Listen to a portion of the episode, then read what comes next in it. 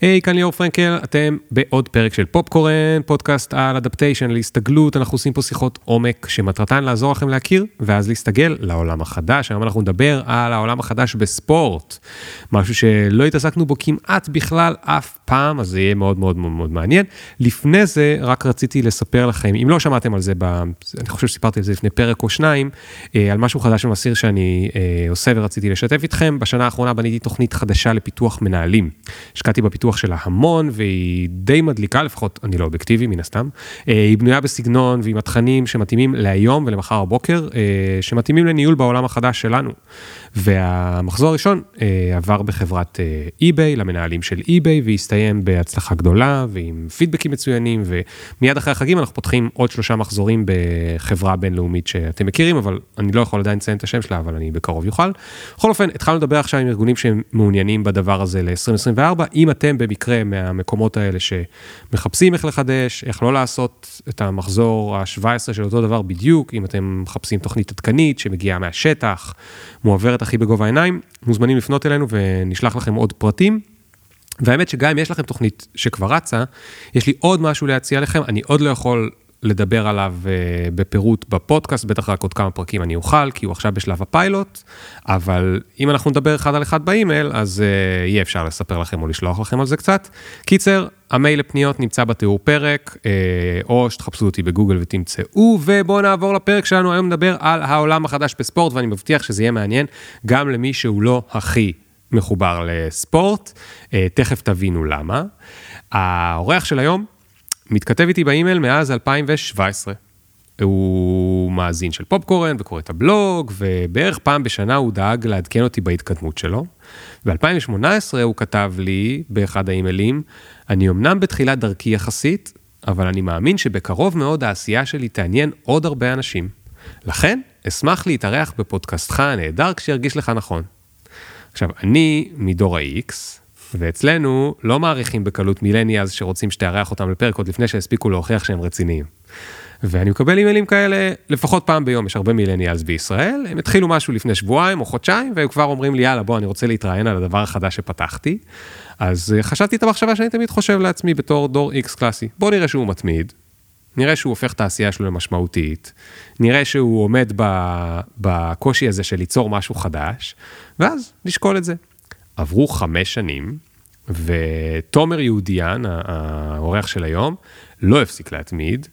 הוא בין השאר הפך למרצה על תת נישה באקדמיה בגיל 28, הוא שותף למיצוב של ישראל כ Sports Tech Nation, הוא הפך לשופט כדורסל אה, כיסאות גלגלים בינלאומי.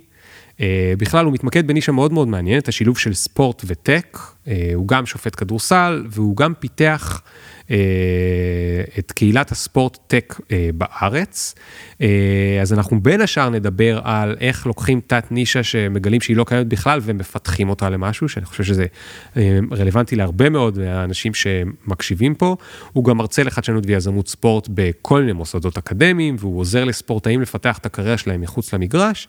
אז אנחנו לא רק נדבר על הקשר בין ספורט טכנולוגיה ואיפה המקום של ישראל בכל הסיפור הזה, אנחנו גם נדבר על משהו אחר שהוא מאוד מעניין, נגיד, ספורטאים זה אנשים שמקדישים את החצי או השליש הראשון של החיים שלהם למשהו מאוד מאוד מאוד מאוד ספציפי, ואז צריכים להמציא את עצמם מחדש בגיל 30-40. אני חושב שבעולם החדש, גם מי שלא בא לו, גם מי שלא רוצה להקשיב לפופקורן, גם מי שאין לו כוח להמציא את עצמו, יכול להיות שיהיה חייב, בגלל כל השינויים שעוברים על עצמנו.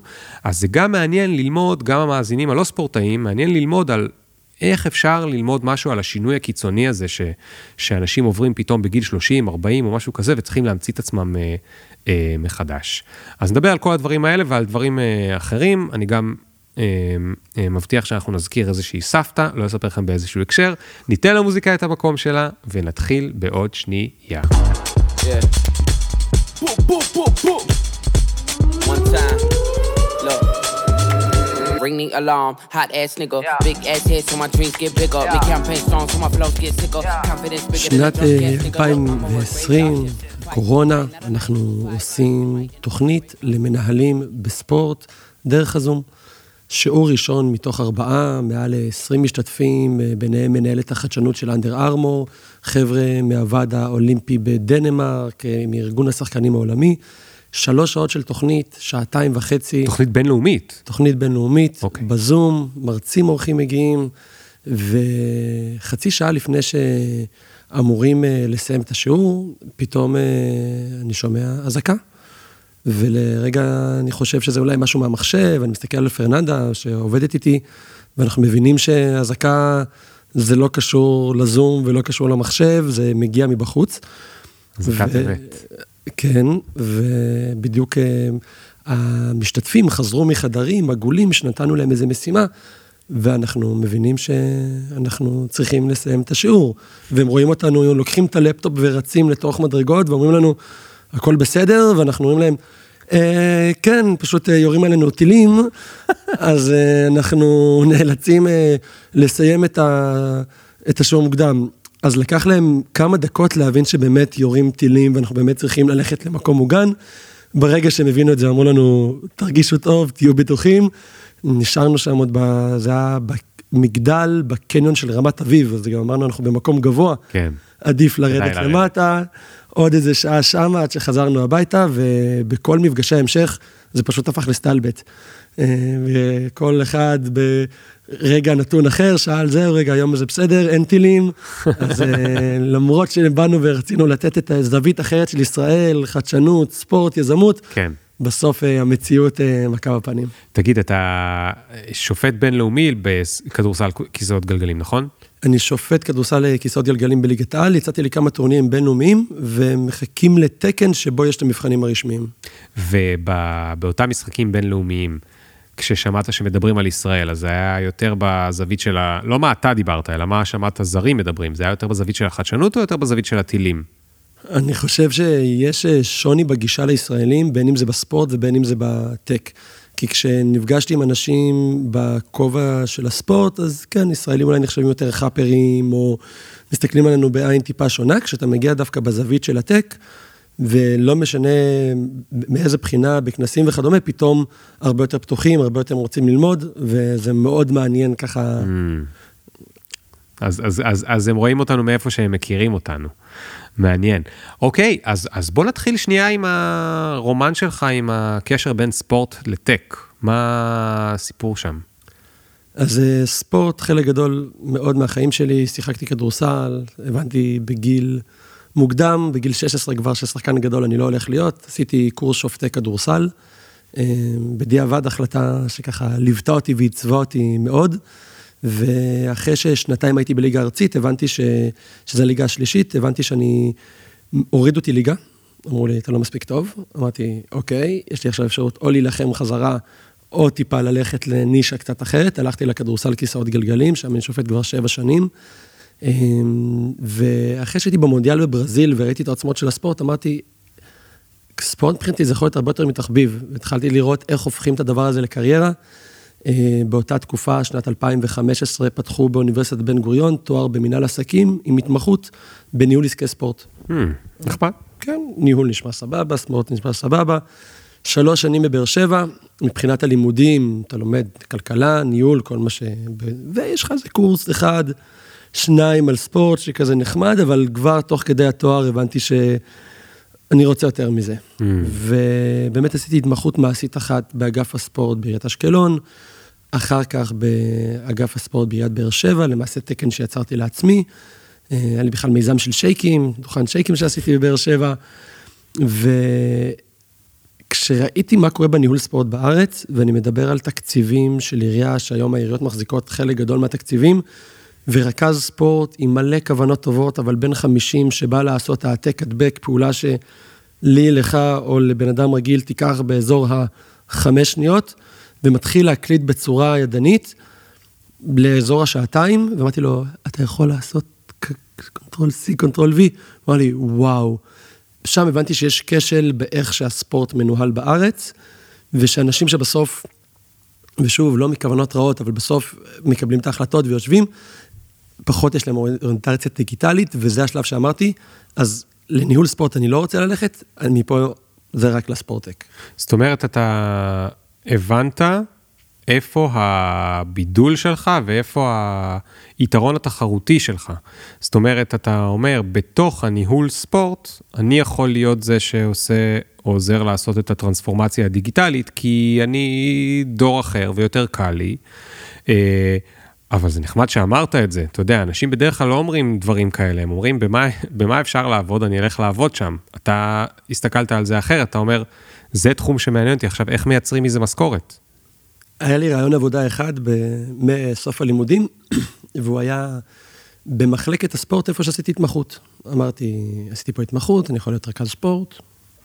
כביכול, אה, השלב הבא הכי קלאסי בסולם, הלכתי גם לרעיון, הסתכלה עליי מגייסת ואמרה לי, אתה אמנם בסוף תואר, אבל לא נראה שיש לך את הכישורים, ואתה עוד יחסית צעיר. אמרתי לה, כן, אני יכול להביא הרבה דברים אחרים, ובתוך תוכי ידעתי שאני לאו דווקא רוצה את זה, אבל אמרתי, כן, שווה לעשות את המקסימום. ובאותה תקופה, בכלל הייתי אמור לטוס לאוסטרליה, לאיזו שליחות, וברגע שהבנתי שאני נשאר בארץ, אמרתי, מי מתעסק בספורטק? ראיתי שיש שני אנשים שמתעסקים בתחום הזה, הגעתי אליהם דרך אה, מרצים שלי באוניברסיטה שדיברתי איתם על זה, ודרך איזה מחקר שעשיתי, ושלחתי לשניהם מייל מאוד מאוד דומה. הראשון זה אורן סימניאן, שהפך להיות השותף שלי בחמש שנים האחרונות. אה, השני זה אמיר רווה, שאחר כך ראיתי אותו בעיקר בכנסים שלנו, אבל אה, שלחתי להם מייל מאוד מאוד דומה. כן קצת שיניתי אותו, ואמרתי לאורן, אני יודע שאתה שופט כדורגל, אני שופט כדורסל, גם אותי הורידו ליגה, וסימניאן, יהודיין, פרסי לפרסי, שלחתי לו מייל מאוד ארוך, והוא כתב לי, with pleasure text me. שלחתי לו הודעת אס.אם.אס, לא ענה, וואטסאפ, בסוף שיחה. התקשרתי אליו שלושה ימים לפני הכנס, אמרתי לו, אני יודע שיש את הכנס, הוא אמר לי, תבוא, תעזור לי, נתגלגל משם. וואו, איזה... ככה זרימה. עכשיו, זה לדעתי בדיוק הנקודה, שאתה פוגש בן אדם בלי לבקש משהו, אלא נטו בלהציע עזרה בכנס, בטיימינג נכון שלושה ימים לפני הכנס, mm. כשאין הרבה כוח אדם, והוא אומר... מה יש לי להפסיד? מה יש לי להפסיד. מישהו רוצה לבוא לעזור לי בחינם? כן, ו... אוקיי, okay, אז זאת אומרת היה ווין ווין, כי אתה אמרת, אני אתקרב לבן אדם הזה שעושה את הכנס הזה, בדיוק בדבר הזה שאני רוצה אה, להכיר אותו. כן, ואני גם ארגיש את עולם תוכן, נראה אם זה יותר מעניין אותי, פחות מעניין אותי, במקום שהוא טיפה פחות מתחייב. אם התמחות זה קצת כזה יום בחיי למשך שלושה חודשים, שנה, כן. אז לעזור פתאום בכנס או משהו כזה, זה ממש מיקרוקוסמוס שיכול ללמד אותך. מה זה, מה זה בכלל ספורט-טק, למי שלא מכיר? תן איזה שלוש דוגמאות מהדברים ההזויים שהתקדמו בספורט, שאני לא מכיר, כי פעם אחרונה שהייתי רואה כדורגל היה ב... לא יודע, שהייתי בן 20. אז uh, אני אפרק את זה לשני עולמות מרכזיים, כל מה שיכול לגרום לספורטאים לייצר יותר ניצחונות, שזה דאטה ובעצם אה, מכשירים לבישים, ניתוח וידאו מתקדם, אה, ניתוחי שינה, אימון קוגנטיבי שאתה יושב מול מסך ומדמיין את עצמך בועט פנדל, ולפי החיישנים זה כבר יודע על פי שני מדדים האם האבטר פוגע בפנדל או לא. וואו. וזה התחום הראשון וכביכול היותר סקסי, אבל התחום שיש בו יותר כסף זה העולמות של המדיה, של ה broadcast. היום אה, הספורט... שזה אומר איך צופים בספורט. איך צופים בספורט. אמ, היום אנחנו חיים בעולם של נטפליקס אה, ושל OTT, ואנחנו בוחרים מתי לראות את הדברים שלנו, וספורט נשאר אחד העולמות תוכן היחידים שאנשים באמת רוצים לראות ב live. נכון. מה שהופך את הפרסומות בסופרבול אה, כל שנה, בשנה האחרונה 7 מיליון דולר לחצי דקה. כן. וכשיש לך כל כך הרבה התרגשות, אז יש לך גם את החוויה באיצטדיון עצמו, של האוהדים, גם את החוויה בבית, גם את כל עולם ההימורים, שזה בעצם המנוע העיקרי של עולם הספורט. זה קצת ה-dark side of the moon, אבל בסוף הימורים גורם לארגונים לרצות יותר דאטה, ומניע אה, את כל, ה, את כל התעשייה הזאת. וואו, איזה הזיה, לא ידעתי, אני הייתי מנחש שזה הפרסומות. אה, וגם הפרסומות, בסוף שאתה רואה הרבה פעמים אה, של ה-NBA ולאחרונה, זה פלטפורמות של הימורים, DraftKings ואחרות שבארצות הברית בשנים האחרונות היה שינוי אה, שההימורים הפכו לחוקי ברוב המדינות, וברמה של מבתי הימורים פיזיים ועד באונליין ועד fantasy, שזה הגיקים שהם מוצאים איזה שחקן הולך לשחק, וגם על זה מהמרים, ופשוט זה שינה את התעשייה. וקידם אותה, יש אנשים שאתה יודע, מוציא להם קצת את, ה, כן. את החשק, כי כן. מדובר פה במשהו... אוקיי, אז, אז זה שני תחומים מאוד uh, גדולים, ו, ודווקא אני אוהב את הסיפור הזה עם הכנס, אתה הולך לכנס ו... ו... ומה אתה מספר לעצמך, כאילו, אני הולך להיצמד לבן אדם הזה, להיות עליו עלוקה עד שהוא אה, יעיף אותי, או אתה אומר, אני רוצה לעשות כזה כנס, או מה, מה עובר לך בראש? אני הולך לכנס, עוזר מה שצריך, ומתגלגל, ידעתי שארבעה, יום, יומיים אחרי הכנס אני כבר בסיני, עם חברים, סוף תואר. התקשרתי אליו ברגע שסיימתי את הסמינר האחרון שלי, שהיה על אפקט היד החמה ואיך הוא משפיע על עולם המימון. האם שחקן שקולע כמה פעמים באמת יקלע עוד פעם? ואם משקיע בבורסה שרואה מניה עולה כמה פעמים, בהכרח אומר, אה, היא תעלה עכשיו שוב. Mm, מצחיק. שגם... אגב, היד החמה הוכח כלא נכון, נכון? כאילו, אין באמת אפקט היד החמה. הוכח אה, כלא נכון במחקרים הראשונים, לאחר מכן בדקו וראו שהוא קודם כל הוא קיים ברמת הקבלת החלטות. כלומר, מאמן שרואה שחקן חם, הוא בהכרח יעשה עליו דאבל טים, או ישים עליו שומר יותר טוב. אז הוא כן קיים ברמת ההחלטות. אה, גדול. מבחינה סטטיסטית, מחקר מתקדם, אה, שגם יראה נתונים מאוד מתקדמים בכדורסל, הראה ששחקנים בזמן אמת, ובעצם כאילו שהם חמים, קולים את אותם אחוזים, כמו לפני, אבל לוקחים זריקות יותר קשות. כלומר, לאו דווקא האחוזים השתפרו, אבל הם כן יזרקו זריקות משוגעות ויקלעו.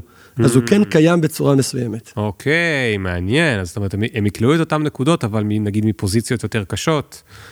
מעניין, מעניין, מעניין. כן. אוקיי. ואני חוזר לכנס, ובאמת אה, הגעתי לאותו מגדל ברמת אביב, אה, מגיע לחדר, אומרים לי, אורן יגיע עוד מעט. ברגע שהוא מגיע לחדר, הוא אומר לי, יש לך פה טבלה של 30 סטארט-אפים, 30 משקיעים, 30 ארגוני ספורט וכתבים, תעשה מטריציה של אה, פגישות B2B, אה, כשהסטארט-אפים האלה כבר גייסו, אז הם צריכים בעיקר לפגוש את העיתונות, הסטארט-אפים האלה אה, בעיקר חשוב להם אה, מול משקיעים, ואני אומר לו, אוקיי, אין בעיה. הוא ישר זרק אותך עם אימא של המים. ואני פשוט מסתובב על הלוח ומנסה להתחיל לפענח את כל האותיות שרשומות בלוח, ואחרי שעת, שעתיים, שלוש של עבודה בשולחן עם עוד שמונה מתמחים אמריקאים ועוד בחורה אחת ישראלית, שזה מי שהרים את הכנס, אומרים לי, אה, גם יש את השמות האלה בטבלה. אוקיי, שלב ראשון. באקסל. כן, אחרי אני הולך לשירותים, אומר לחבר שלי, הוא אומר לי לעשות מטריציה תלת-ממדית שאומרת איך אני עושה את הדבר הזה, ואחרי שבאותו יום נשארתי עד איזה עשר בערב, באמת יצרתי איזו טבלה שמחברת את הדברים, יום לאחר מכן כבר היה הקוקטייל פתיחה. אה, היה כנס של 300 אנשים באזור ה-30-40 אורחים מחו"ל שהגיעו כבר אז מברצלונה, מהמועדון כדורגל, ובעצם ארגוני ספורט שבאו בעצם לשמוע על החדשנות בארץ. אה, ואחרי כנס שבו גם ניהלתי את כל פגישות ה-B2B, וככה הכרתי די מהמשקיעים לסטארט-אפים, לאורחים הבינלאומיים, אה, ועד מפגשים יותר אישיים, פתאום עם להסיע בחור מלליגה, מהליגה הספרדית לירושלים, ואומר לי, שלח לי את הקורות חיים שלך, ואני, רגע, רגע, לימדו אותנו שיש איזה הר שצריך ללכת עליו. ורק סיימתי, ואתה אומר לי, יש לי קשרים בברצלונה וריאל מדריד, כשאני רק אתמול סיימתי לימודים, יש פה איזה גליץ' במטריקס, אבל אז הבנתי שבאמת שיניתי את הסביבה ונוצרות הרבה הזדמנויות. Mm. אמ, ואחרי שחזרתי מסיני דיברנו ובאמת אמרנו בואו נתחיל לראות אם אפשר אה, לקדם ולייצר פה באמת אה, ביזנס מהדבר הזה, כי גם... תסביר לי למה, אז מה, הוא נהיה שותף שלך בכנסים האלה? אורן הקים את קוליסאום ואני בעצם הפכתי להיות סוג של העובד הראשון שם. אממ. אחד הדברים הראשונים שאני עשיתי היה לייצר database של כל הסטארט-אפים שקשורים ל sportech בארץ. 2018 היה באזור ה-140 חברות, אה, כשתמיד אנחנו מסתכלים על sportech, אז זה קצת עולמות של fitness וכושר, קצת broadcasting שעושים גם ספורט, כשהמספר הזה בערך הוכפל, היום יש באזור ה-300 חברות. ואחרי שלושה חודשים שבעצם אה, יצרנו את ה database והתחלנו אה, להיפגש עם התעשייה, ראינו שדאז, לא לגמרי היה אפשרות לייצר business מאותה קהילה. אה, אני יצאתי לחצי שנה של דרך עצמאי, התחלתי לעשות הרצאות, התחלתי בעצם ככה לעשות דברים משל עצמי, ואחרי חצי שנה הוא חזר אליי ואמר לי, אני עושה קורס למנהלים מברצלונה, מטיס לפה ארבעה מנהלים מ-FC ברצלונה, בוא תנהל את הקורס. ואז אמרתי לו, אוקיי, אני לא איפה שהייתי אז, שאני יכול לעבוד כזה שלושה חודשים התמחות, אבל נשמע מעניין. ועשינו קורס ברמה מאוד גבוהה למנהלים בספורט בארץ, עם חבר'ה מברצלונה, מנהל של האיצטדיונים, מנהל של ה-IT אה, של המועדון, המנהל של כל הקורסים הדיגיטליים ושל הדיגיטל. למה מנהלים מברצלונה באו ללמוד בישראל? אני לא מצליח להבין את זה, אתה כאילו מדבר על זה כבר חמש דקות, ואני כל הזמן, אני מנסה למצוא פתרונות בראש, ואני לא מבין. הם באו ללמד. הם באו ללמד. זה היה המיקס. בקורס השתתפו משחר פאר וספורטאים ומנכ"ל איגוד השחייה ועד חבר'ה מגוגל. אוקיי, הם באו ללמד מנהלים בארץ. כן, אבל אוקיי. בפועל א', היה להם fun, אספתי אותם לשדה תעופה, וישראל, ופתאום עוד פגישות, ומקום גם של ההוויה, אבל הם, מה שאנחנו הבנו בסוף התוכנית, שדווקא המרצים שהבאנו מהארץ, במקום מסוים היו אפילו יותר מעניינים או מקצועיים מהחבר'ה מברצלונה. מעניין, מעניין. כי החבר'ה מברצלונה מגיעים ומספרים, אנחנו ברצלונה, ומספרים, ו... כן. ואז נותנים קצת מהחלק שלהם. וזה גם בעצם הסיבה שהסיפור הראשון שהתחלתי איתו, שעשינו את הקורס באונליין, אמרנו עם כל הכבוד לברצלונה ולברנד שהוא מדהים, אנחנו שמים את זה כרגע בצד ועושים תוכנית שהיא באמת יותר מיועדת לקהל יד ספציפי. הבנתי. עכשיו תסביר לי משהו, אורן מבוגר ממך. בעשר שנים. יש לו, את כל הנטוורק של הכנס היה לו, לך לא היה נטוורק, למה הוא החליט לעבוד איתך על זה? אני חושב שברגע שאתה יזם, אתה מחפש אנשים טובים סביבך שיכולים לגרום לדברים לקרות, עוד אפילו לפני לאיך אתה קורא להם ומה ההסכמים שלך איתם, וכבר באותו כנס, מאותה טבלה ועד דברים פיזיים של סידור החלל ולקפוץ ולהביא עם הג'יפ, ושנייה רגע לקחת את הבחור מלליגה ביום האחרון, פתאום להוריד ממנו, הוא ראה שזה נותן לו המון ערך. כן. ובאמת חמש שנים אחר כך, אה, בבנייה של Colosseum, אני למעשה לקחתי את כל תחום ה... קוליסאום זה, זה השם של הכנס? Colosseum זה למעשה השם של החברה, אה, כאשר Sports Tech Nation זה השם של הכנס, שעשינו אותו, השנה זה כבר השנה השישית ברציפות, הולכים להיות באזור 2,000 אנשים, שלושה ימים, mm. אה, והכנס ככה גדל וצובר תאוצה. אה, ואני חוזר לשאלה שלך, של מה בעצם, למה אני בעצם... אני מסכים שיזם תמיד מחפש, אבל מה אתה עשית שהוא ייקח אותך? ולא סיפרת שהיו שם עוד מתמחים ועוד... איזה... אה, אז המתמחים שהיו זה חבר'ה שמגיעים הברית. וכמו שאליי היום פונים בין בן אדם לחמישה אנשים בשבוע שרוצים להשתלב בתעשייה או רוצים ללמוד ומגיעים, גם אליו הגיעו, אולי, לא, אולי יותר לחדשנות כללי ולאו דווקא לספורט. ואני חושב שכמה דברים שגרמו באמת לדבר הזה לקרות, א', זה מוכנות שלי, של להשקיע ואפילו להקריב שלושה חודשים לעבוד אה, על הפאדי, מה שנקרא, ובסוג כן. של התמחות, אה, זה לא משהו שכל אחד עושה. נכון. אה, פלוס המון פשן ואמביציה שהייתה לי על התחום הספציפי, שבשלב מסוים, כמה שנים לאחר מכן, הוא כבר אמר לי, באמת, זה תחום שאתה כבר הרבה יותר מבין ממני. אז המקום שלי שהיה מאוד אה, רוצה ללמוד ומבין שבאמת האחד פלוס אחד פה הוא שווה שלוש. כן. אני חושב, אני אוסיף עוד קצת דברים, כי אני רואה את זה מהצד שלי, של ה... ש... שהרבה פעמים מחפש את האנשים האלה. אה, נשמע שגם אף משימה לא הייתה נראית לך אה, לא מכבדת, או משהו כזה. כאילו לא משנה מה הוא נתן לך לעשות, כנראה עשית. גם לעשות טבלה של סטארט-אפים ולארגן להם פגישות, אוקיי, זה נשמע מגניב, אבל גם אם הייתי צריך לקחת אותם מהשדה תעופה, אז נסעת עם האוטו לקחת אותם מהשדה תעופה. אז אה, שזה גם, זה, זה, כשאתה יזם, אתה מחפש בן אדם כזה, כי בן אדם כזה, הוא, זה אומר עליו שהוא יזם. שזה לא משנה, אני יכול לעשות משהו מאוד גבוה, ורגע אחרי זה משהו מאוד נמוך, עושים מה שצריך. זה, זה העניין. מה שצריך אני אעשה. שזה הדבר הזה. ואני גם רוצה לשאול אותך, ואולי יש לך דוגמה לתת, האם אתה גם היית פרואקטיבי? זאת אומרת, האם אתה, נגיד, ראית איזשהו חור בעלילה, ואתה באת ואמרת לו כבר, תקשיב, יש פה חור בעלילה, אני רוצה, אני רוצה לכסות אותו. אני חושב ש... רק אני אגיד משהו קטן, שאני צרוד, ומאתמול אני על אה, תרופות סבתא וכל שיקוי כזה ואחר. אמ, ולגבי הפרואקטיביות, אני חושב שבחלק הראשון שלנו, בשלושה חודשים הראשונים, אמנם הייתי פרואקטיבי, אבל לא מספיק.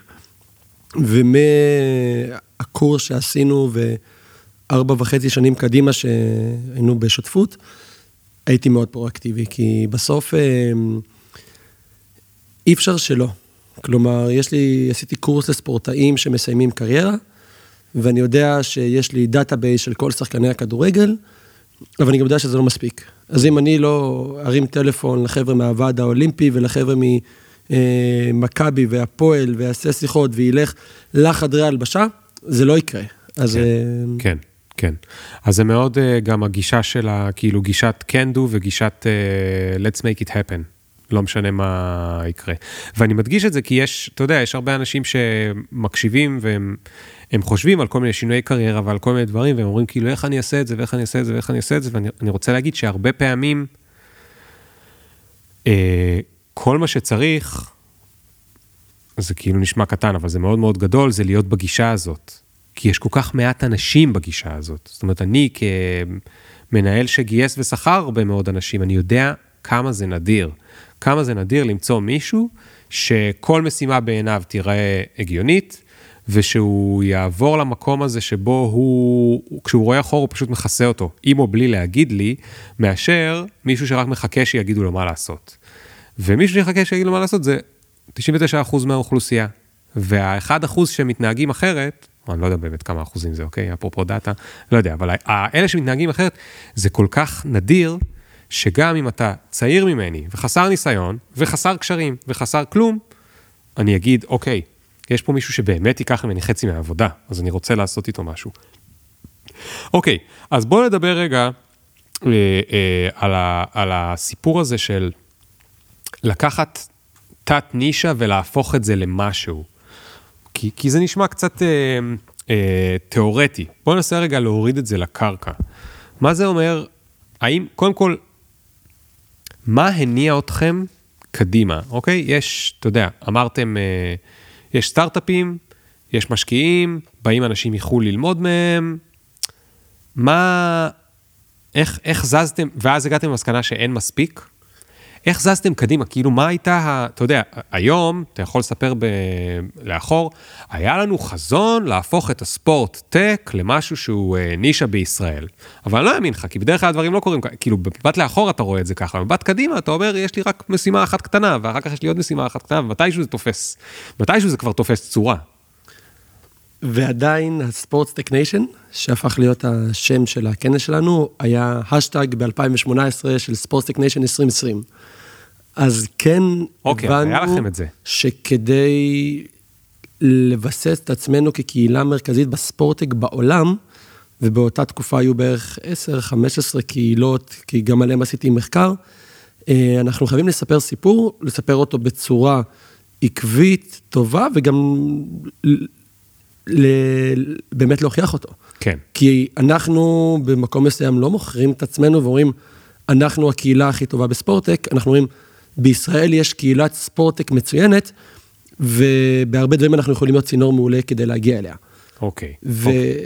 אז עכשיו מה עושים? אז עכשיו אתה, אתה, רוצה, שיה, אתה רוצה שתהיה תת נישה חדשה שאין אותה, מה עושים? כאילו, מסיקים כתבה בערוץ 2, מה... אז בוא נגיד, ה-1, 2, 3, שלושה צעדים הראשונים היו אה, קהילה, מרכז וקרן השקעות.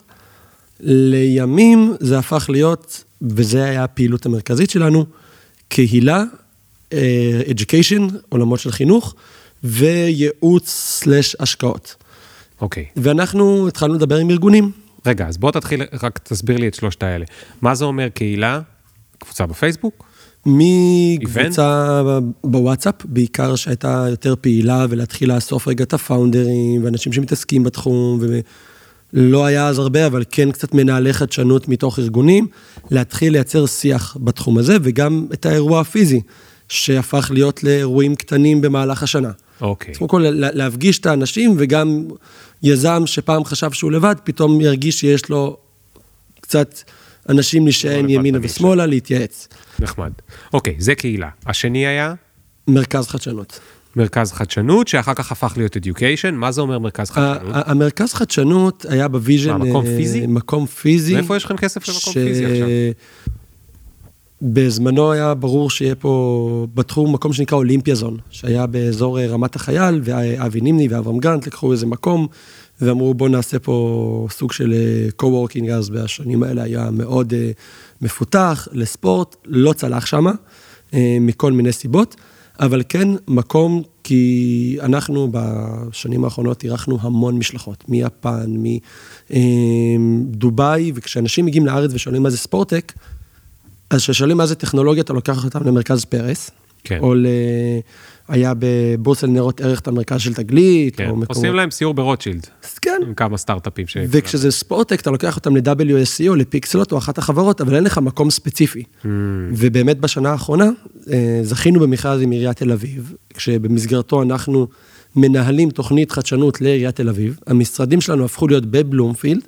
ואחד מהתוכניות זה לבנות שם מרכז מבקרים שמרכז את כל השפע הטכנולוגי במקום אחד, שאתה יכול לספר גם לבן אדם את הסיפור ברמת החוויה. כן. ולא ברמה של כנס של פעם בשנה. מגניב, אוקיי. אז זה מרכז חדשנות, אבל לקח לו זמן, אז, אז אמרת שבוורסיה השנייה, מספר 2 זה Education, מה זה אומר? כשאתה בא לעבוד עם ארגון, ואתה בשנת 2018-2019, ארגון ספורט, ואתה אומר להם, יש חיישנים מגניבים לנעליים, ואתה יכול... מה זה ארגון ספורט? מכבי חיפה?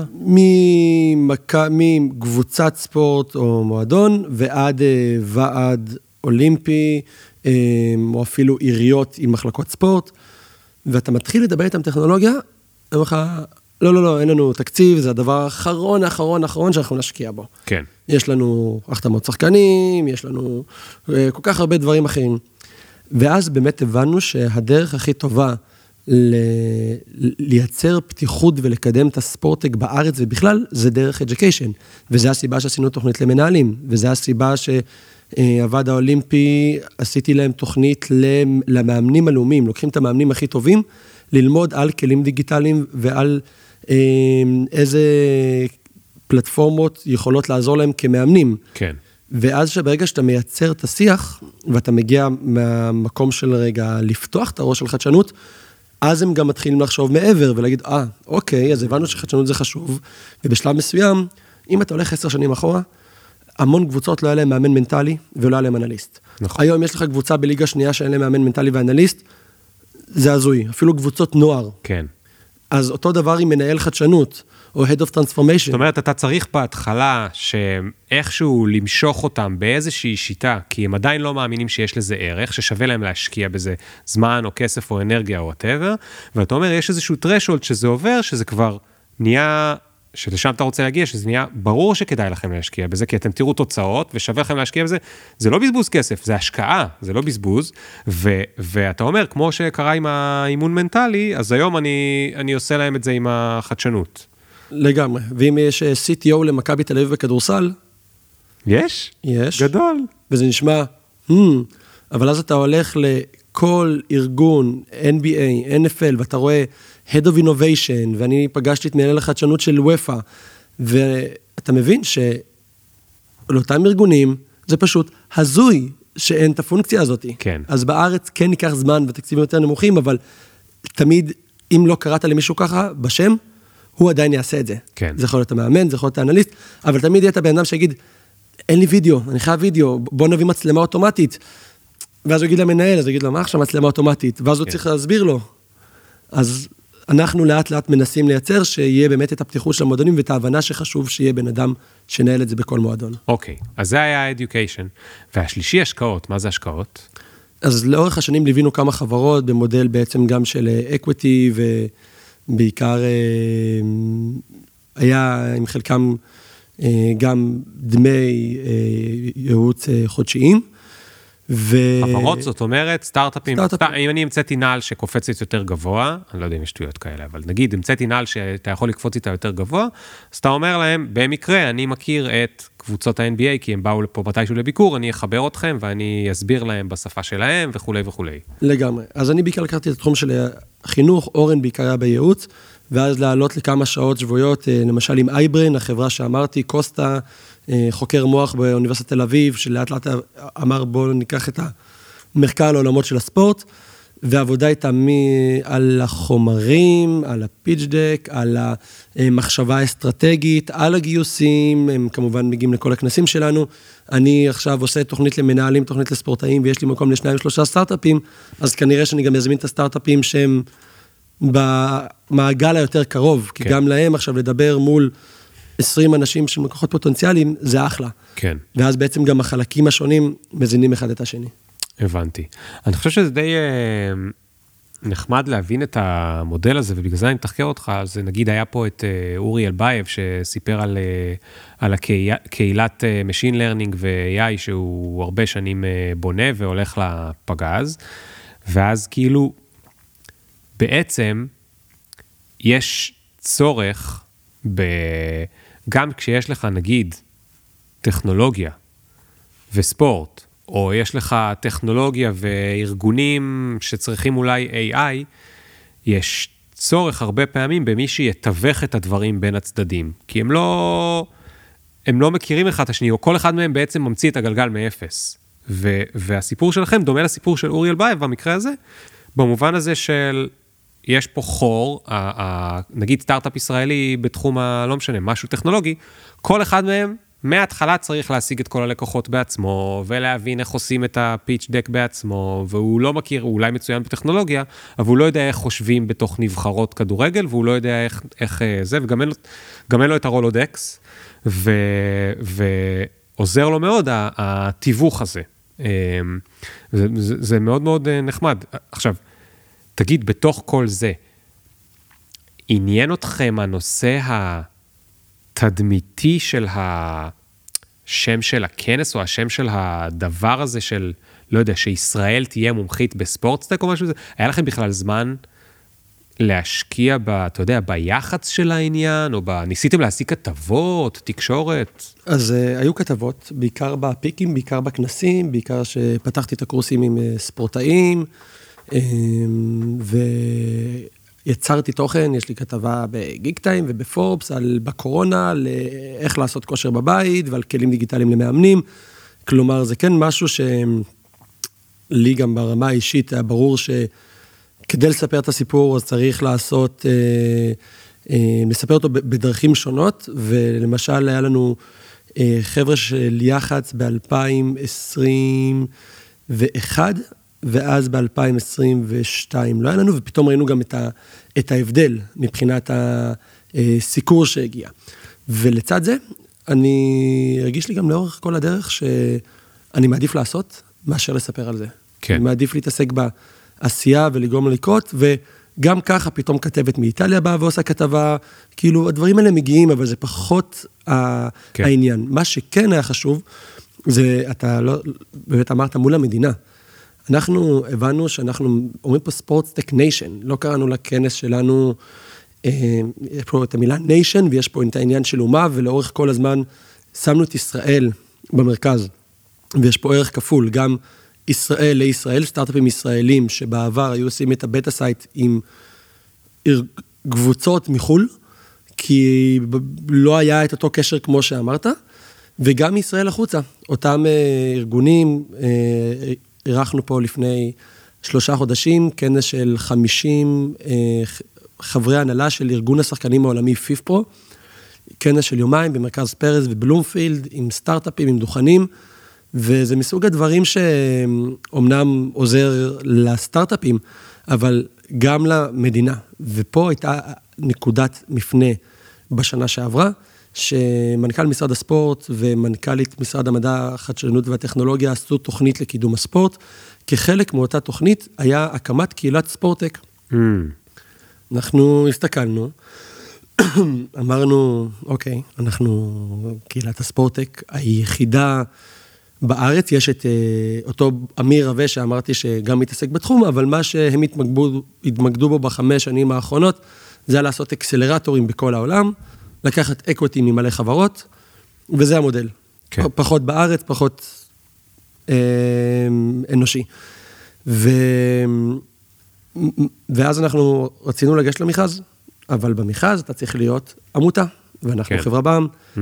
אז חשבנו איך אנחנו מביאים פה ארגון שהוא עמותה, אבל uh, הספורט הוא מאוד פוליטי בסופו של דבר, ואם תביא את uh, הוועד האולימפי, אז הוועד הפראלימפי יגיד לך למה לא הבאת אותנו, ואמרנו למי יש פה יתרון שהוא מעל כולם, וזה מכבי תנועה עולמית, שהם מארגנים את המכבייה. אוקיי. רק לסבר את האוזן, המכבייה זה אירוע הספורט השלישי בגודלו בעולם. מה? כן, מכבייה, מבחינת ענפי ספורט ומשתתפים, אפילו מונדיאל, שהוא כביכול מאוד גדול מבחינת אה, ספורט, יש בו 32 קבוצות לדעתי, שמשחקות ביניהם, וזה מגיע. מכבייה הוא בגודל של, כמו אולימפיאדה, לא בסדר גודל, אבל מבחינת המורכבות. ב, רק, רק כדי להבין, בשבועות של המכבייה, אין אוטובוסים פנויים, אין מקומות פנויים בארץ, כמעט בשום אכסניה, כלומר זה אירוע מטורף. ואחד הדברים שאנחנו אמרנו כל הזמן, ישראל זה beta site מצוין לטכנולוגיות. בין היתר מהאירוע הגדול הזה שאפשר להטמיע בו, ועד הרבה מתקנים שיש פה ו- ו- והגשנו את מכבי תנועה עולמית, זכינו במכרז ובעצם אה, ככה כתבתי את כל התוכנית לבניית הקהילה, שאני אגיד את זה גם עכשיו, כי שלחתי לך גם בהודעה שאני בתקופה מעניינת, כי אני מלפני שבועיים כבר לא עובד בקוליסאום. אה. כן, אחרי חמש שנים יצאתי ככה לדרך חדשה, אז כן, היה לי את ההנאה של הקהילה, עשיתי חמישה אירועים בברים בירושלים, באר שבע, חיפה, כדי ספורטק על הבר קראנו לזה, בבר, בברים שונים.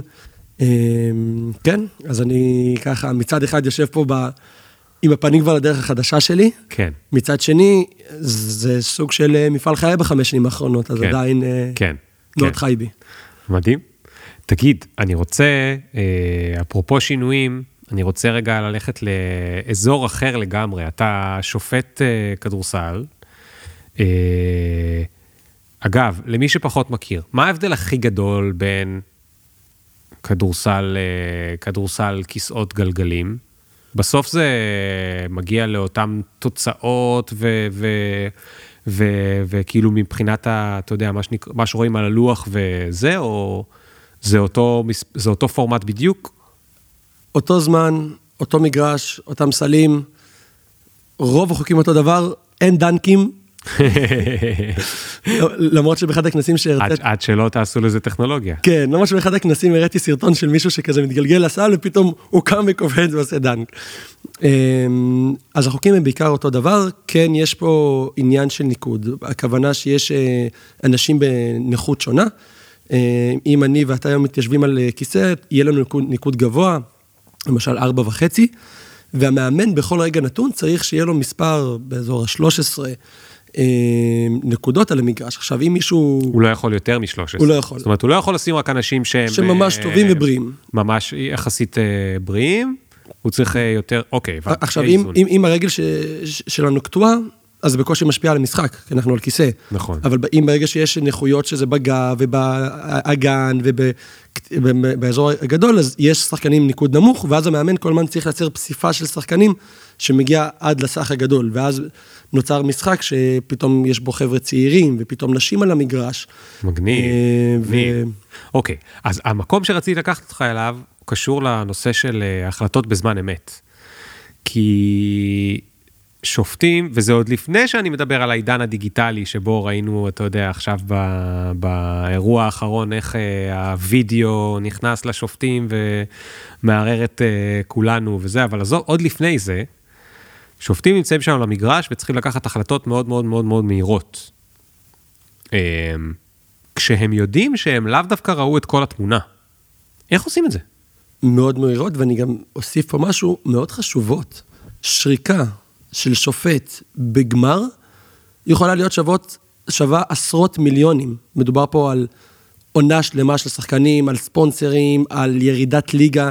לפעמים פו אחד ששופט עושה מהפה שלו, את התנועה הזאתי, זה ממש לפעמים גורל של שחקנים, של קבוצות, ולכן גם אם אני חזרה יורד פה לליגת על כיסאות גלגלים, או באמת למקומות אחרים שכנראה זה לא חיים או מוות, עדיין יש פה חשיבות עצומה לכל שריקה, ולכן זה מתחיל בפרי גיים, שנפגשים השופטים ומדברים על המשחק, ומדברים על מה הולך להיות, ומדברים על איפה לשים לב ומבחינת... מה, מה, מה, מה, מה, מה, מה? רגע, מה אתם עושים בפרי גיים? אתם מדברים על השחקנים הספציפיים? על הנבחרות הספציפיות? פר, לרוב פרי גיים מתנהל אה, שהקרו צ'יף, בעצם השופט המוביל, אומר ככה את דבריו ואחר כך מוסיפים, מדברים על המשחק בכללותו. אבל המשחק לא קרה, אז איך אתם אה, יכולים לדבר עליו? מדובר במשחק עכשיו אה, חצי גמר, הקבוצה הזאתי אה, הפסידה, היא כנראה תיתן את כל מה שיש לה. אה, פה יכול להיות שחסר שחקן מסוים, שימו לב לשחקן הזה, הוא הרבה פעמים תופס בעגלה של האחרים. אה, זה יורד גם לפעמים לדקויות כאלה.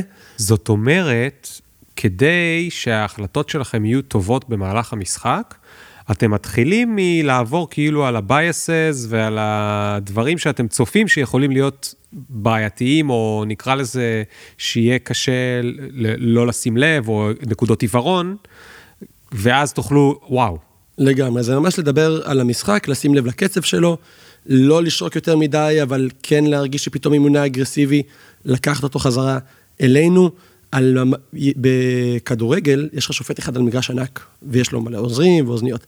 כדורסל, אנחנו שלושה שופטים על שטח קטן. כן. אז נכנס פה עניין של אזורי אחריות. אז אם הכדור עכשיו באמצע, אני השופט שעומד על הקו, אני יותר קרוב, אבל יש מצב שאני לא יכול לראות את זה. ואתה שופט שהוא בצד השני, ולפי אזורי האחריות זה שריקה שלך. אבל אם אתה תיקח את השריקה, כל המאמנים יגידו, איך אתה שורק את זה? הוא עומד פה למטה. אז יש פה גם עניינים של אגו, ויש פה עניינים של להסתכל על הכדור, על השחקנים, יש לך את המזכירות, שהרבה פעמים עושים טעויות ולראות שהשעונים, יש לך את הקהל, יש לך מאמנים, וזה סיר לחץ, שבכל הדבר הזה, ובשתי דקות האחרונות, שכולם בטסטסטרון מאוד גבוה והכל חשוב, אתה צריך לשדר כאילו אתה בודה, ולהיות מאוד רגוע. ובניגוד לכדורסל, שגם יש הרבה פעמים, הרבה אירועים והרבה עבירות, כדורסל כיסאות גלגלים, אני מקבל יותר החלטות, שורק פחות שריקות. מקבל יותר החלטות, שורק פחות שריקות. כלומר, אני רואה המון דברים שקורים במגרש, רואה את השחקן הזה טיפה יצא מהצד, את זה קצת נכנס בזה, לא שורק, לא שורק, לא שורק, לא שורק, בום, מזהה את, את השנייה הזאת שפה כבר משהו עבר את הסף ששמנו, ברמת המגעים או ברמת ההתנהגות, ואז תוך שנייה צריך לסמן את הסימון הנכון. כן. ואז כולם מסתכלים עליו אם זה חוץ, להצביע לאיפה הכדור הולך, ללכת למזכירות, ואז ממש לסמן, מספר 8, עשה עבירת תפיסה, כדור לפה. ואז יש את התגובה פתאום של המאמנים. אז כל הדבר הזה באמת יוצר אה, לפעמים סיטואציות מאוד מורכבות, אבל ככל שאתה צובר ניסיון, אתה לומד פשוט לא לתת לטעויות להוביל לעוד טעויות, ולא להתחיל להתחשבן. אם עכשיו טעיתי ושרקתי חוץ נגד הקבוצה האדומה, הטעות הכי גדולה שאני יכול לעשות זה להחזיר להם בצד השני. אז רגע, אז פה אני רוצה לעמוד על הנקודת למד... נקודת התפתחות שלך, כשופט, להפוך להיות שופט יותר טוב. כי אמרת הרגע שני דברים, הראשון היה לא לתת לטעויות לגרום עוד טעויות. כלומר, מה אני שומע? אני שומע ממך, היו לי משחקים, לי ולכל שאר השופטים בעולם, שבהם טעויות גררו לעוד טעויות. מתי היה תהליך של הלמידה שלך, כי הרי במהלך המשחק עצמו היית עסוק במיליון דברים, אתה לא יכול ללמוד במהלך המשחק, אתה יכול לעשות טעות שאחרי זה. אתה רואה אחר כך את המשחק, אתה מסתכל על עצמך, או לפני המשחק הבא, או, או יש לך מנטור שאומר לך נו נו נו, כאילו איך, איפה התבצעה הלמידה שבה אתה גילית ש... שזה, ו- ו- ואמרת לעצמך, אני צריך בהמשך לא, לנסות לא לעשות טעות גוררת טעות. אז יש שני נקודות למידה מרכזיות. הראשונה זה המחצית, הרבע הבא, סוף המשחק עם השופטים. פתאום קרה איזה אירוע, באים שלושה שופטים, יש לנו דקה לדבר על שבע דקות שקרו עם מיליון אירועים, אבל כנראה שבאמת אותו אירוע נקודתי יעלה, ויגיד, שמע, זה חייב להיות בלתי ספורטיבית, זו עבירה מאוד קשה, אנחנו חייבים להרים, לשים פה רף יותר גבוה. זה רמה ראשונה של למידה. אני, לרוב היא פחותה, כי גם מי שמלמד אותך, השופט השני הוא מאוד אמוציונלי כרגע. כן. אז אתה יודע ש... ולאו דווקא אתה יכול לקחת את זה. כן. הלמידה השנייה, אה, גם בליגה הארצית ששפטתי שנתיים, הייתי מצלם וידאו של עצמי ומנתח את עצמי 4-5 שעות אחרי כל משחק. 4-5 שעות? חותך קטעים, רושם איזה שריקות, איפה טעיתי, איפה עמדתי, כותב על זה ממש דוח על עצמי, מעלה את זה לקבוצה של השופטים, ומעלה גם לפייסבוק, כדי ששאר השופטים יגידו לי, לפי סעיף 5.7 היית צריך לעמוד פה ולא פה ולשרוק ככה. תקשיב, זה מטורף מה שאמרת. וזה בליגה השלישית. זה מטורף מה שאמרת הרגע. אני, אני מצטער שלא אמרנו את זה בתחילת הפרק, אני לא יודע אם כולם הגיעו לחלק הזה של הזה, אבל אתה אמרת הרגע, עשיתי לעצמי תחקיר של ארבע שעות, כולל עריכות וידאו, אחרי כל משחק. אחרי כל משחק. שעה וחצי ברוטו. זה, זה מה ששופטים עושים? כן. וואו. וזה, אני אומר שהייתי בליגה השלישית, ובכיסאות גלגלים אני גם מנסה לעשות את זה כמה שיותר, כשבליגת העל זה אפילו עוד יותר עולה, וב-NBA זה אפילו עוד יותר כל עולה. שופט עושה את זה לעצמו? אני לא מכיר הרבה מקצועות שאנשים, עזוב אפילו בקבוצה, בקבוצה אני לא צריך לעשות את זה, בקבוצה המאמן מכריח אותי לראות אולי משחקים. נכון. אבל אתה הכרחת את עצמך, ואף אחד לא מחייב אותך. בשיפוט בליגה הארצית חייבו אותי, בכיסאות גלגלים כביכול לא, אבל זה משהו שאני, כי חשוב לי כבר היה לעשות. לך את ההרגל. ל- ל- לקחת, להסתכל על, ה- על הדבר שלי, ולא לעשות רבע שעה רטרו, ב- בהייטק קוראים לזה רטרו, כאילו, או, או תחקיר חיל אוויר. אה, לא לעשות רבע שעה רטרו, אלא ארבע שעות, ולחפש דברים, ואז גם להעלות את זה לוואטסאפ ולפייסבוק. כולם מעלים את זה לוואטסאפ ולפייסבוק? בארצית זה היה ממש אה, חיוב. איזה ו- מטורף.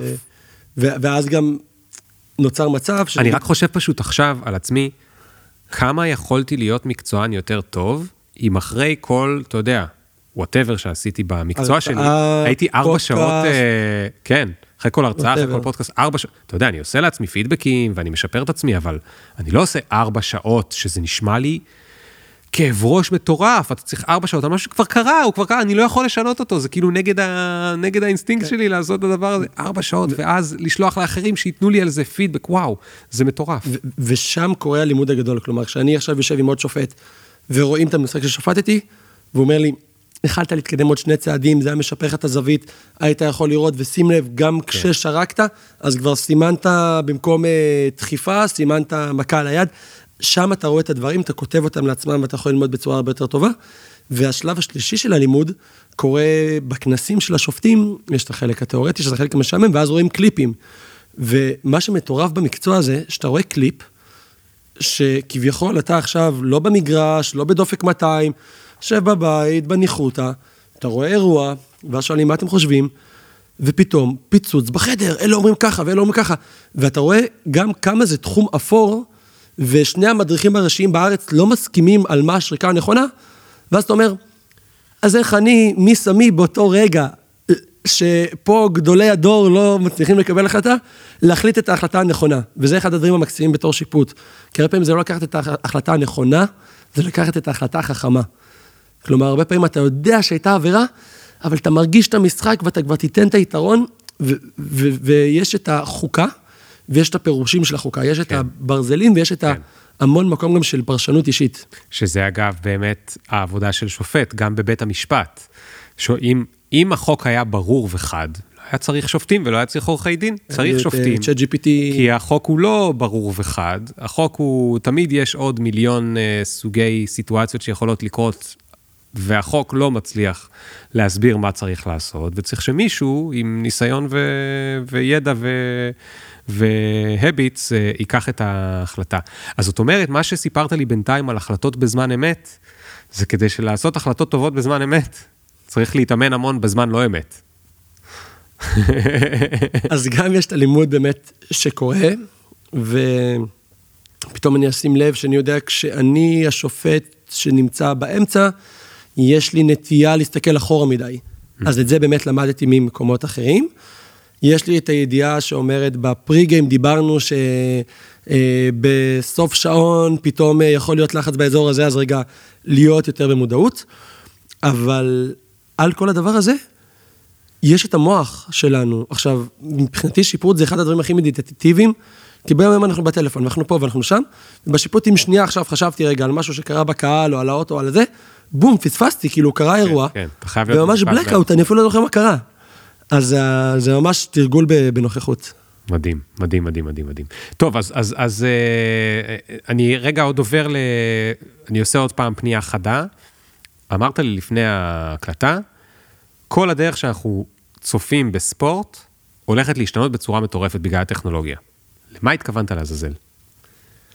לפני 100 שנה בערך המציאו את הטלוויזיה, אה, כשהיה קופסה קטנה, שחור ולבן, היום אנחנו בקופסאות גדולות, דקות, HD. חוץ מזה, לא יותר מדי השתנה.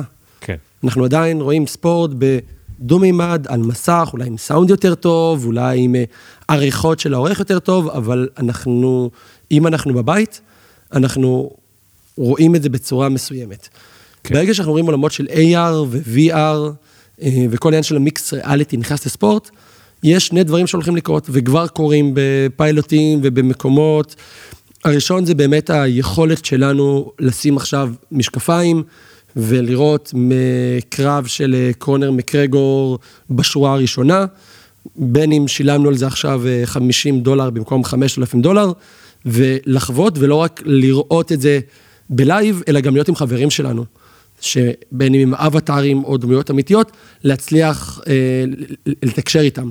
Mm. עכשיו, הדבר הזה גם טוב כמובן לאותו ילד שכנראה בחיים לא יהיה במשחק ב-NBA, כי לא להיות במה שהוא גדל בעיירת פיתוח, אבל גם לקבוצה, מלמכור 50 אלף מקומות באיצטדיון, הם יכולים למכור 50 אלף מקומות באיצטדיון ועוד 100 אלף מקומות כן. ויז'ואל. אז זה רמה אחת. רמה נוספת שקורית, הייתי עכשיו אה, בוויבטק, אחד הכנסי טכנולוגיה הכי גדולים בצרפת, ובתוך הכנס הזה היה כנס שכבר הייתי בו פעם בצרפת, שנקרא Global Sports Week, ויש שם בעצם את כל הפיתוחים גם בעולמות של הספורט, וחברה שלמעשה מאפשרת לנו עם משקפיים לראות משחק פה על השולחן, איפה שאנחנו נמצאים. אמ, כרגע זה לא בזמן אמת, אבל כן אנחנו יכולים לראות משחק, ואז בעצם כל הספורט שקורה עובר למרחב שלנו. אמ, אז זה נקרא לזה ברמת הצפייה. מעבר לזה, אנחנו פסיביים, ואז מה שקורה, אנחנו עוברים לסקנד סקרין, אנחנו הולכים לטלפון. כן. היום יש חברה של אינדי גיים, אמ, בחור אה, גם ישראלי, אני גם משחק איתו כדורסל, שמאפשר לך בפנדל, לקחת את השלט וללחוץ אם יהיה פנדל או לא יהיה פנדל. כאילו אם יבקיע או לא. יבקיע או לא יבקיע. או, וזה בהמון עולמות, אבל גם כמובן בעולם הספורט, יקלע, לא יקלע, אה, בנינג'ה יעבור את המסלול, לא יעבור את המסלול. קח את הדבר הזה, תוסיף על זה live betting. היום, אם דיברנו שבארץ יש מונופול על עולם ההימורים, אתה הולך לווינר, ממלא עד זמן המשחק. בארצות הברית, אותו דבר, קורה עכשיו FanDuel, ב-MLS, מסי, כל מה שקורה, אתה יכול בזמן אמת להגיד, יהיה גול או לא. וברגע שהדבר הזה יהפוך לנו להיות מאוד נגיש, ובשנייה אתה יכול עכשיו לשים 5 דולר על זה שהוא יבקיע או לא, יש הרבה יותר engagement. וואו. האחרון לא אהבתי. אבל זה עניין כן, אישי. אבל אה, כמו שאמרנו, שם אה, הרבה פעמים נמצא נכון, הכסף. נכון, נכון. וכל מה שקשור לחוויה באיצטדיון. התוכנית שלנו, Smart Sport City מעיריית תל אביב, אה, בחרנו שמונה סטארט-אפים שבעצם המטרה שלהם לשפר את החוויה בתוך האיצטדיון. מאיך אתה נכנס לאיצטדיון, עד התור שאתה עומד בו, עד הכרטוס הדיגיטלי, ועד זה שבמונדיאל האחרון יכלת להרים את הטלפון, להסתכל על שחקן ולראות באיזה מהירות הוא רץ, ופרטים וואו. על השחקן. נייס. מדהים, מדהים, מדהים. אז, אז הכל בעצם uh, משתכלל, משתדרג. לא דיברנו בכלל על כל הקטע שבהם uh, מתחילים להשתיל להם uh, דברים בברכיים וב... נכון? זה הקטע הזה של, ה... של הסופר-יומן, ש... שמדברים עליו בדרך כלל בעולמות של ה... אה, בין אם זה גנטיקה ובין אם זה well-being, אבל איפשהו שם הם מתחברים למקומות של אה, אה, כדורים שמשנים הורמונים, ושתלים שאפשר להכניס בברכיים, ושרירים שאפשר למתוח אותם, ואתה יודע... ויש Cyber Olympics. Cyber Olympics, אז זה התחיל? יש, היה כבר כמה פעמים, למשל יד מכנית, שכמה שיותר משקל. כן, כן. כן. זה אגב, שם התחזית הכי טובה ששמעתי זה שפשוט יפרידו אותם לשניים, יהיה את ה Cyber Olympics, ושם כאילו הטכנולוגיה יכולה להיות הדבר שעליה מתחרים, זאת אומרת, איזה, איזה, אה, למי יש טכנולוגיה יותר טובה, אה, לעומת אה, הספורט הרגיל, שבו יהיה אסור להכניס, זאת אומרת, יהיה ברור מה ה-threshold ומה אסור, כמו שהיום אסור סמים וכל מיני דברים כאלה שבעצם יכולים לחזק אה, ביצועים, אז יהיה אסור גם כל מיני דברים אחרים. זה מאוד אפור עדיין, כן? זאת אומרת, אם להם יש uh, תוכנה יותר טובה לניתוח uh, משחקים, אז זה נחשב או לא נחשב? כאילו, זה, זה נהיה אפור, אבל זה, אתה יודע, יש את המקומות שהם באמת באמצע, כמו פורמולה. זאת אומרת, יש אוטו שהוא אובייקטיבית יותר טוב, אבל יש גם את הנהג שהוא חייב להיות uh, מספיק טוב. אז כאילו הדברים בפורמולה 1 זה ממש... זה לא מחבט יותר טוב, זה ממש אוטו יותר טוב, זה כאילו הרבה יותר ממחבט, אז, אה, אז זה כבר אה, חצי-חצי. אמ, אני אגיד משהו בנושא הזה, כי אחד הדברים שהטריד מאוד את הספורט בשנים האחרונות היה דופינג, כמו שאמרת. יש גם אה, דופינג, סימום בספורט, מרים משקולות, שם, לוקח תוספים, ואז WADA, שהם אחראים על איזה תוספים מותר ואסור, רואים שהוא שם אותם, מכניסים אותם שנה הבאה למה שאסור. שנה אחרי זה הוא משנה קצת את התרכובות, ומשחק של חתול ועכבר. דופינג הכוונה, הוא לוקח אה, סמים. אה... לנס אמסטרונג, שאפרופו כן. גם היה אחד הדוברים שלנו ב-2020, שעשינו את הכנס שלנו באונליין, ואמרו לנו, מה, אתם מביאים אותו, והוא פתח קרן השקעות. אה, אבל מה שקרה שם, ומה שהוא באמת מספר, כל רוכבי האופניים לוקחים תוספים, לוקחים... אה, האם זה עומד תחת הקריטריונים או לא, פה זה כבר משחק מאוד מאוד מאוד דק, ויש אנשים שיודעים לשחק אותו. כן. עכשיו, מה שאנחנו מדברים עליו בשנים האחרונות זה technology doping. איך אנחנו יוצרים בעצם את היתרון באמצעות טכנולוגיה. אחת הדוגמאות לכך, וזה אולי אחד המקרים הכי מפורסמים, בשנת 2008, אה, הבגדי ים של Speedo, בזמנו של מייקל פלפס, יצרו בגד ים שמשפר את החיכוך במים. ומוריד את הזמנים. 108 שיאי עולם נשברו עם הבגדי ים.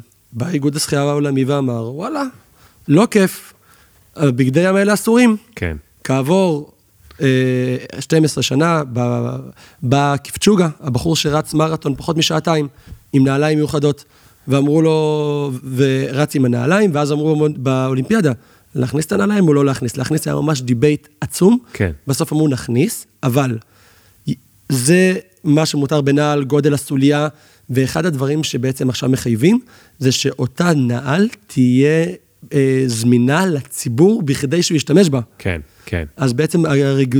תמיד הרגולציה מגיעה אח... אחרי הטכנולוגיה. כן, כן, כן. זה נורא נורא, נורא מעניין. טוב, אז, אז, אז רק אה, דבר אחרון שאני רוצה שנתעסק בו כמה דקות. אתה פוגש ספורטאים, אתם עושים תוכניות לספורטאים, שעכשיו בעצם הם אה, מגיעים, ל... עברו את השיא שלהם, והם צריכים בעצם לבנות לעצמם קריירה, אוקיי? כולנו מכירים כאלה, גם בארץ, אבל עזוב רגע את אלה שאנחנו מכירים, כי אלה שאנחנו מכירים, הסתדרו, אוקיי? אה, בין אם זה רביבו ובין אם זה כל מיני אחרים אה, ש, שבין אם הם נהיו אנשי עסקים או בין אם הם נהיו מאמנים, זאת אומרת נשארו בספורט או זה, אבל אני לא רוצה לדבר ספציפית על איך ספורטאי מתקדם, אלא אני רוצה לעשות מזה זום אאוט ולדבר באופן עקרוני.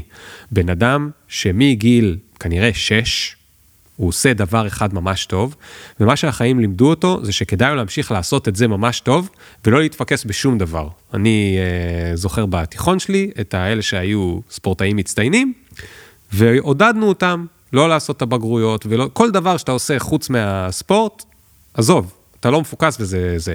עכשיו בן אדם כזה, מגיע, ו- וזה בעצם לא כזה שונה ממישהו שלא יודע מה, הוא החליט בגיל 18 שהוא רוצה להיות, אה, לא יודע מה, מהנדס הכי טוב ב- בשפת תכנות ספציפית, וזה מה שהוא עושה עכשיו 15 שנים, והוא עקשן, ואמרו לו בינתיים תלמד עוד דברים, והוא עקשן, והוא למד רק את זה, והוא מצוין.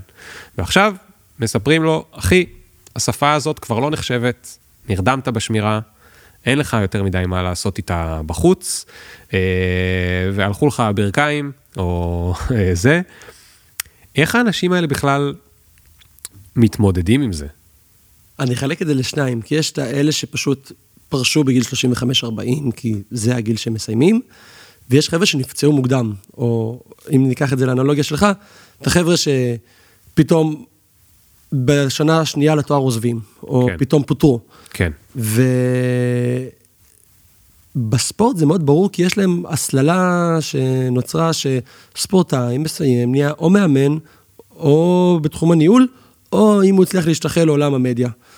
ואחד גם הדברים שאנחנו מראים זה בואו רגע תפתחו את הראש לעולם הדיגיטל, היזמות, ההשקעות, תראו מה עוד יש, כי בסוף ה skill שלכם כספורטאים והערכים שלכם יכולים לשרת במקומות אחרים, אבל אתם חייבים לעשות את ה Google Translate. עכשיו, אם אני חזרה לוקח את זה למטאפורה שלך, זה לבוא ולהגיד, אוקיי, אתה סיימת, כנראה נפלת מקרוסטאיס, או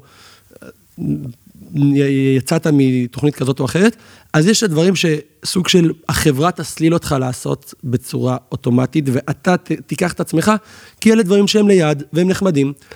ואני חושב שבאמת האיכות פה היא פחות להסתכל על מה מקובל, ויותר על איזה skill יש לי, איזה ערכים יש לי, איזה קשרים יצרתי, ואיך אותם אני יכול ב, בעצם עכשיו לממש. איך כן. אה, אותם, אחת השאלות שאני מאוד אוהב לשאול ספורטאים, ובקורס האחרון היה לי חבר'ה, ברוך דגו ואלישי קדיר ויניב גרין, אתה יודע, חבר'ה כאילו מהדור הקודם, ש... ושאלתי אותם, אה, כשאתם נכנסים לחדר לפגישה, אתם אנדרדוג או פייבוריטים בעולם העסקים? ונוצר דיון. והתמצית של הדיון הייתה, עד הרגע שנכנסים לדלת, הם פייבוריטים. כי פותחים להם דלתות, כי אנשים מכירים אותם והשם שלהם עושה טוב. אבל מהרגע שהם בדלת, הם כבר לא יכולים להיאחז בזה שהם שיחקו והיו ב hall of fame. מאותו רגע הם אפילו אנדרדוג, כי כבר מצפים מהם למשהו. ואז הם חייבים להוכיח את עצמם. ואותו בחור שעכשיו, בגלל הפיטורים פוטר מגוגל, אז יכול להיות ש... פתחו לו דלת כי הוא היה בגוגל, אבל זה לא אומר שהוא יצליח בפעם הבאה. בדיוק, אבל ברגע שהוא יגיע לרעיון או למקום מסוים, יגידו בואנה, זה תותח, הוא היה בגוגל. אבל אז זה המקום שלו, אוקיי, זה פתח לי דלת, אבל זה המקום שלי עכשיו באמת להוכיח את זה. אז רגע, אז תן לי רגע את ההמשך של הזה. אז הבנתי שעד אז אני פייבוריט ועכשיו אני אנדרדוג, מה זה אומר שאני צריך לעשות? אחד הדברים ששמנו לב מאוד עם ספורטאים, זה שמצטנעים ולא מספרים ומורידים את הראש ודווקא לא ממנפים יותר מדי את העובדה שלהם כספורטאים, לא בלינקדין ולא בהרבה מקומות אחרים.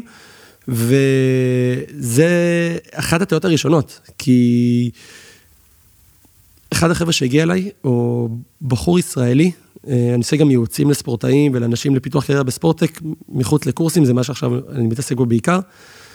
אה, בחור ישראלי שהיה הישראלי היחידי שהיה בטור דה פרנס, פעמיים. אחד נכון. התוכניות, אחת התחרויות הכי קשות בעולם, אה, גם היה בסילבן אדמס, ובחור כל כך צנוע, וכל כך חמוד, ואתה רואה אותו, ואתה לא תנ... והשם שלו לא יגיד לאף אחד, אם אתה לא בעולם הספורט, כלום. והוא אומר, אוקיי, אני מתחיל לחשוב על דברים. עכשיו, בחור כזה, שלא יגיד את העניין של הספורט, חבל. כי אמר, נגיד למישהו, אני, אני הייתי בטור דה פרנס פעמיים, בום, זה, זה נותן משהו. כן. מצד שני, זה גם לא לרכב על זה מדי. זה לא להגיד, בגלל שהייתי בזה, זה לבוא ולדעת איך אתה כן פותח את הדלת, יוצר את הדברים, אבל כן איך אתה גם ממשיך לייצר, ממשיך לא להיאחז בעבר ו, ו, ולייצר דברים לעתיד, ולייצר ערך, ולקחת את... ממה, ממה הם הכי מפחדים? השלושה דברים הכי מרכזיים שקורים לספורטאים שפורשים, הם משמינים, בעיות בריאותיות, בעיות, בעיות כלכליות, הם הרוויחו עכשיו סכומים של מנכ"לים גדולים בהייטק ועכשיו כלום. אה, ובעיות... שזה, שזה בעיה פשוט כי הם התרגלו לחיות בגבוה. כן, אבל הבעיה הכי גדולה היא לא זה ולא זה, היא באישיות. עד שלשום, או עד אה, שבוע שעבר, הייתי יורד ברחוב, והיו לי צלמי פפראצי, והיה כתבה בספורט 5, והייתי מעלה פוסט, ופתאום אני, אף אחד לא מעניין אותי, אני לא מעניין אף אחד, כאילו, לא מזמינים אותי אפילו למשחקים. וזה המקום הזה של להישכח, לא להשאיר מספיק לגאסי, mm. אני חושב שזה אחד ה... זאת אומרת, האגו. אה, בין אם אגו ובין אם, כי כמו שאמרת, שנתתי עכשיו 30 שנה מהחיים שלי לדבר שכל כך רציתי, ומה הכי גבוה בספורט? שתולים את הגופייה שלך אה, באיצטדיון. זו אותה לגאסי, אפילו אם לא יודע אם זה אגו או לא, השראה, כל אחד יקרא לזה בשם אחר.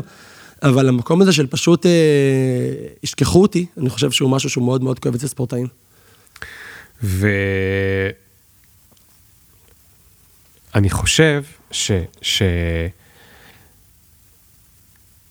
אתה יודע, כאילו דיברת וניסיתי לחשוב, ספורט, זה פשוט כנראה מאוד מאוד שונה בין ספורטאי לספורטאי, אבל היית אומר שהם פרו-אקטיביים, by design, זאת אומרת, או לא, כי אתה יודע, נתת כמה דוגמאות, יש את ההוא מטור דה פרנס, אני לא יודע, אני לא מבין בספורט הזה כלום, אבל אם אני ספורטאי בנבחרת כדורגל, ואני טוב במגרש, אני מצוין במגרש, אז אני אתגלגל מקבוצה לקבוצה לקבוצה לקבוצה, תמיד ירצו אותי, יהיו מלחמה, יהיה משא ומתן, יהיו לי בחירות, אני אקח את הבחירות של מה שבחרתי, אני יכול להצליח, אבל אני יכול להגיע לגיל מאוד, כי אני יכול לסיים את הקריירה שלי, בזה שתמיד, חוץ מהלהחליט בסוף אם אני רוצה את קבוצה A או B, כל שאר הדברים הובילו אותי. אמרו לי מתי האימון, אמרו לי מתי לבוא, אמרו לי, הנה המדים, אמרו לי, יש את הזה, אפילו אמרו לי דברים שאין לי כוח לעשות, מדי פעם עשיתי, אמרו לי זה, אמרו לי, בוא לאימונים של הנבחרת, ובאתי בדיוק כשהחברים שלי עשו... למשחק אהבה בסין. כן, גם אלה שלא התחשק לי, בסדר, אבל, אבל כל הזמן אמרו לי מה לעשות. לא הייתי צריך להוביל את עצמי. לעומת זאת, כשאתה מדבר פתאום על עולם העסקים, או הניהול, או הזה, מחפשים שם, וזה מחזיר אותי לתחילת השיחה, שאמרתי למה אני חושב שהוא יתרשם ממך, מחפשים את הפרואקטיביות. אתה צריך לסדר לעצמך את הדברים. זאת אומרת, כשאמרת לי, הנה שלושת הדברים שקשה לספורטאים אחרי הזה, אצלי כל הזמן חיכיתי שתגיד שהם לא יודעים איך להוביל את הדרך, כי הם היו רגילים שכאילו, שזה ברור מה צריך לעשות. אחד הספורטאים אמר לי, רק בגיל 30 שפרשתי, למדתי שאני טס בטיסות, אני צריך להביא את הדרכון שלי ולהעביר את התיקים של עצמי, ולא עושים לי את זה מהקבוצה. אז כמו שאמרת, ויש פה הבדל בין ספורטאים אינדיבידואליים לספורטאים של קבוצה. כן. אה, ספורטאים של קבוצה לרוב יש להם מעטפת יותר מלאה, כן. את החדר הלבשה. כן. אה, יש לי המון חברים שהם גם ספורטאים אישיים, אה, יוליה גלושקוב למשל מספרת, שחקנית טניס, הייתה צריכה, וטורניר עם טניס זה כל כך הרבה חוסר ודאות. אתה טס לטורניר, אתה עף אחרי שלושה ימים, אתה צריך פתאום לתכנן טיסה, אתה צריך עדיין מקום לאימונים, כן. כל כך הרבה חוסר ודאות. אני חושב, א', הספורטאים אינדיבידואליים יותר פרואקטיביים מהחבר'ה הקבוצתיים. אה, אני חושב ש... זה יותר כמו להיות עצמאי, והאלה כמו, קצת יותר כמו להיות שכיר. כן, במקום מסוים, כן. וכשאנחנו בעצם אה, בתהליכים שעושים, מראים להם שכבר, כי אתה לוקח ספורטאי, אתה לוקח יזם, אתה אומר, אוקיי, עבודת צוות, התמודדות עם כישלונות, יכולת לקבל ביקורת, אה, חתירה למטרה, המון דברים שהם דומים, אבל גם יש דברים שלא. כן. ואז אתה צריך להראות לו, כמו שאתה אומר, אז אולי באמת אותו שחקן כדורגל, יש לו סוכן שניהל אותו, התגלגל והמשיך. כן. כן. אבל אז אתה אומר לו, רגע, אבל שאתה היית במגרש, אה, איך ידעת עכשיו אה, למסור לפה או לפה? אז הוא אומר לך, אתה אומר לו, אוקיי, אז עכשיו שאתה שולח קורות חיים, איך עכשיו, בוא תיקח את היכולות למשחק. מתוך או, המגרש, מתוך ולא המגרש, מתוך ההתנהלות. בדיוק. כן. ו- כן. ושם הרבה פעמים יש להם באמת ערכים. זה באמת, לעבוד עם ספורטאים מבחינתי זה כל כך מרגש, כי זה אנשים שהם כל כך איכותיים, כל כך אה, אמיצים, אבל כל כך קלולס בעולם שלנו. זה מטורף, מטורף. אני גם מניח שזה קשור עד כמה הספורט שלך הוא ספורט שיש לו תקציב לעומת ספורט שאין לו תקציב. ככל שזה ספורט שאין לו תקציב, אתה גם, אתה יכול להיות יזם, כי יש ספורטאים בענפי ספורט, בטח בישראל ספציפיים, שהם אשכרה צריכים לדאוג לגיוס כסף, אחרת הם לא יצליחו להמשיך להתקיים כספורטאי.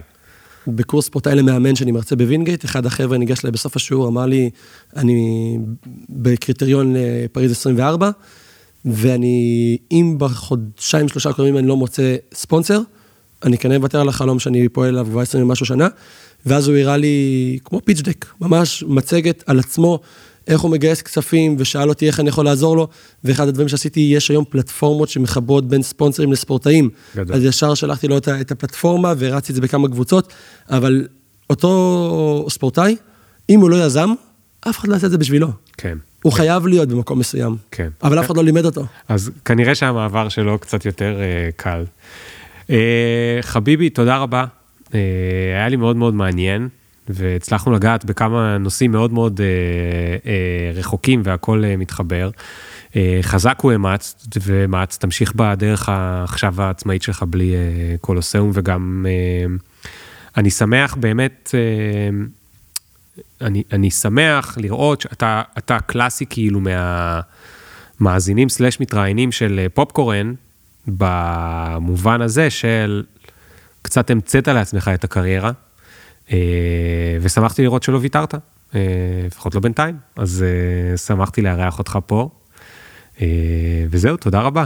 אז המון תודה, ובאמת גם רגע טיפה חזרה, אבל מהספר אני רוצה הכל, ועוד איזו הרצאה שהייתי בהרצליה, וזה היה לפני 2018, אמרתי, מעניין אותי באמת להתחיל משהו, וזה אחרי חמש שנים של מסע זה מטורף כמה אתה לומד, ועוד יותר מרגש מבחינתי אחרי חמש שנים ו networking מטורף, לעמוד בנקודה ולהגיד איך אני עכשיו עוד יותר מדייק את זה ולאיפה אני לוקח את זה.